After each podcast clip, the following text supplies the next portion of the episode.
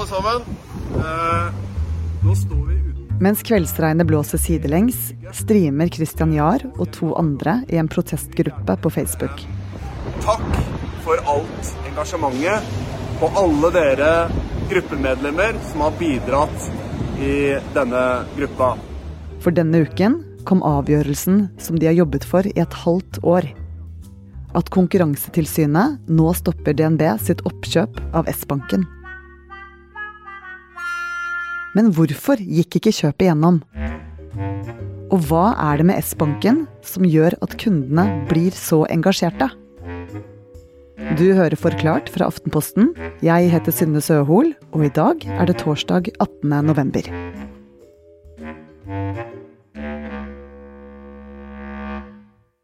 Da nyheten kom i april om at S-banken skulle bli kjøpt opp, var det mange kunder som ble rasende. En av dem var Christian Jahr. Da jeg fikk vite om oppkjøpet, så satt jeg på hjemmekontor. Eh, leste på internett og så at DNB skulle kjøpe den banken som jeg har vært kunde i siden dag én. Eh, og blitt glad i i så mange år. Eh, og eh, jeg vil ikke si at verden raste helt sammen, men, men det, var, eh, det var et trist budskap å få den dagen. Så jeg, jeg ble rett og slett eh, både trist, lei meg og forbanna. Så han lagde en egen Facebook-gruppe mot oppkjøpet. Og I løpet av bare noen timer så var det mange hundre engasjerte S-banken-kunder som hadde meldt seg inn i gruppa. Og i løpet av månedene som har gått, har den fått over 9000 medlemmer. Så det er, det er jo utrolig fascinerende hva slags engasjement som har vært i denne saken. Ifølge økonomikommentator i E24, Sindre Heierdal, så gjorde disse kundene mer enn å bare trykke på 'bli medlem'. De skrev rasende leserinnlegg, og de ytret seg rundt omkring i media. Eh, og eh, til og med nå, et halvt år etter, er det kommentarer om DNB på nesten alt S-banken legger ut i sosiale medier og andre steder. Sindre, hvorfor er disse menneskene så sinte? Hvor, eh, hvor starter historien om S-banken? Ja, da må vi eh, snurre tilbake til år 2000. Da S-banken lanserte den første rene nettbanken i Norge. Den gang het det Skandiabanken.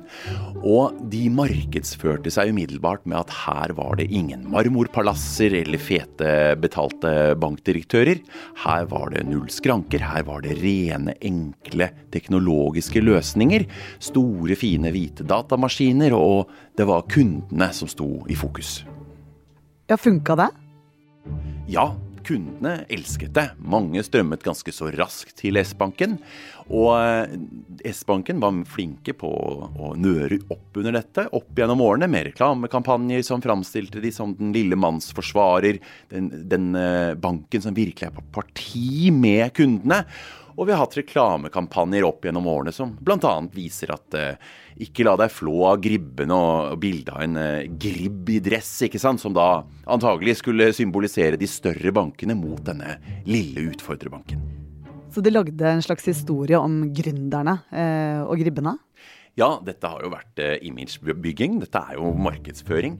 Men det har eh, blitt en totalpakke ut av det, som, som har gått hjem, da. Også fordi at de har faktisk hatt billig boliglån. De har hatt enkle teknologiske løsninger, mener veldig mange kunder. Og det ser vi også på en veldig viktig måling av kundeomdømme.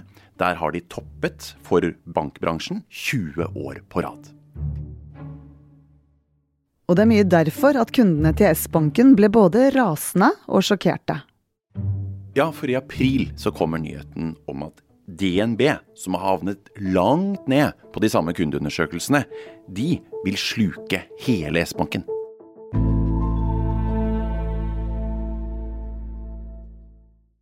Det siste halvåret eh, så har DNB jobbet for å kjøpe opp S-banken. Og Sindre, hvorfor ville de det? Det nok aller viktigste var at da kunne DNB ta tilbake noen av kundene som de hadde tapt på boliglån de siste årene. Men en annen veldig viktig del, som eh, lenge ble litt underslått når vi snakket om, eh, om dette oppkjøpsforsøket, det er fondssparingen. For eh, banken investerer jo penger for kundene i fond, tjener bedre både på vegne av seg selv og kundene, og dette er blitt en kjempebusiness de siste årene. Og det er særlig to grunner til at fondsmarkedet vokser sterkt for tiden. Det ene er tvangssparingen som også korona har bidratt til. Vi har ikke brukt penger på restaurant. Det har kommet inn masse friske penger, også fra 20- og 25-åringer, inn i aksje- og fondsmarkedet. Og så er det pensjonssparing, som er en sånn kjempetrend. Vi må alle spare mer til pensjonen vår ved siden av, hvis vi skal ha en ordentlig lukrativ alderdom, om du vil. Og da må vi spare i fond og aksjer. Og denne fondveksten, eh, hva har det med DNB og S-banken å gjøre, egentlig? Jo, DNB er blitt store på fond. Men også S-banken er blitt en liten kjempe i dette markedet, og DNB sikler på kundene deres. For i tillegg til at de sparer i fond, er det mer som gjør S-bankens kunder så attraktive. Altså, S-banken var jo utfordreren som skulle ta de store. Og det tiltrakk seg mange samfunnsbevisste kunder med god økonomi, null betalingsproblemer, høy lojalitet etter hvert. da. Og dette var da en gruppe som DNB eh, gjerne ville sikre seg. Som de også da kunne selge boliglån, fond og forsikringer til. Eh, en del av produktene som heller ikke S-banken selv tilbød. Så her fikk, kunne DNB få en totalpakke som var veldig fin. Det er jo lett å forstå motivasjonen til DNB, men hva med S-banken da? Hvorfor eh, ville de ødelegge imaget sitt og bli en del av det de har kalt gribbene?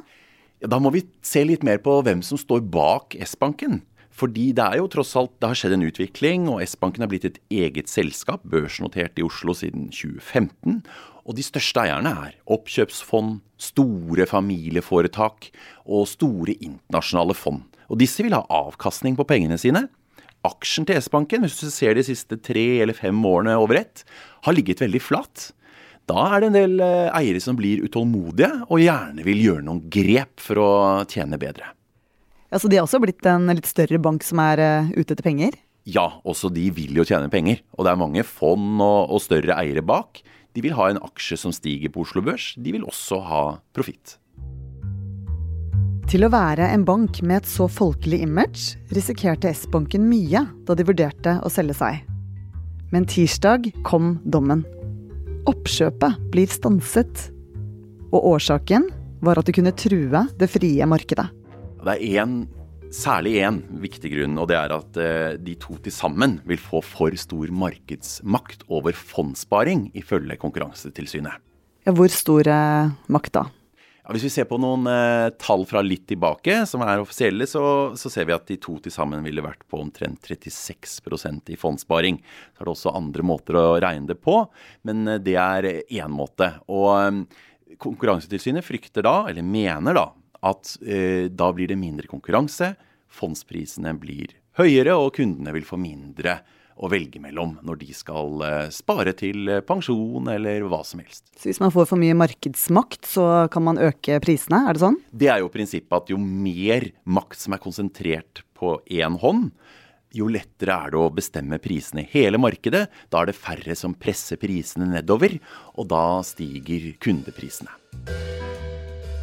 Og selv om 36% er langt unna monopol, så frykter man likevel at oppkjøpet vil gi DNB for mye makt. DNB er overrasket. Det er jo også sånn at eh, Tilsynet syntes det var greit at DNB sikret seg boliglånet, som er det aller, aller meste av S-banken. Og de synes det er litt eh, rart at en så liten del av sjappa da skal velte hele oppkjøpet. Og så mener DNB at eh, tilsynet ser tilbake i tid på gamle fondsandeler, og ikke ser framover mot en ny virkelighet hvor det kommer flere eh, fondstilbydere også fra utlandet som lettere kan etablere seg i Norge enn før, fordi det er blitt enklere å gjøre det digitalt. Men hva skal til da for at DNB skal få gjennomført dette kjøpet? DNB har kommet med tre forslag til hvordan de kunne selge unna mye av sparebiten, så dette skulle gå gjennom. Men siden tilsynet likevel ga rødt lys, så kan DNB klage til det vi kaller Konkurranseklagenemnda, og håpe å nå gjennom der.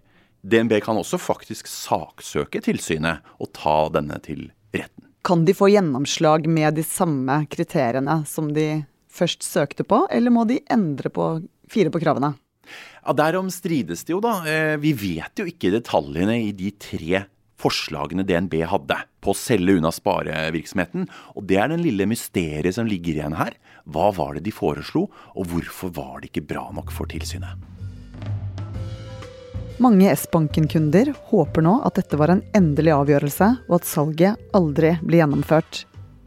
Det gjør i hvert fall mannen bak Facebook-gruppen, Christian Jahr.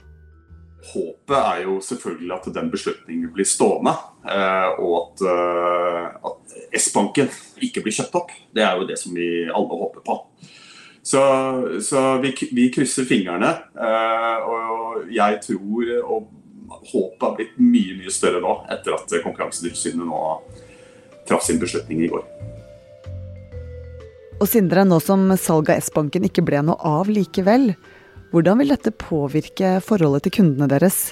Det er helt sikkert en del kunder som har eh, rømt fra S-banken allerede, og vi har sett at mange andre små internettbanker har stått veldig klare til å ta dem imot. Dette er jo små lekkebiskner som alle banker vil sikre seg.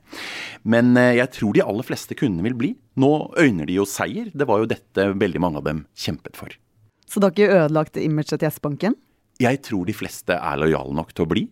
Og er det noe som er litt rørende med denne saken, så er det jo å se denne ekstreme entusiasmen fra mange av S-banken-kundene. Jeg tror de færreste på forhånd hadde sett for seg at uh, følelser for en bank kunne være så sterke som de er her. Så etter et halvt år med litt sånn frem og tilbake, uh, så har jo DNB fått nei. Men er historien om Gribben og gründeren over? Nei, stadig ligger jo lille S-banken der som en fristende liten godbit for andre banker i Norge og utlandet. Og eierne har jo alt vist at de er villige til å selge om prisen er høy nok. Så det kan banke nye beilere på denne gründerdøra ganske snart, tror jeg.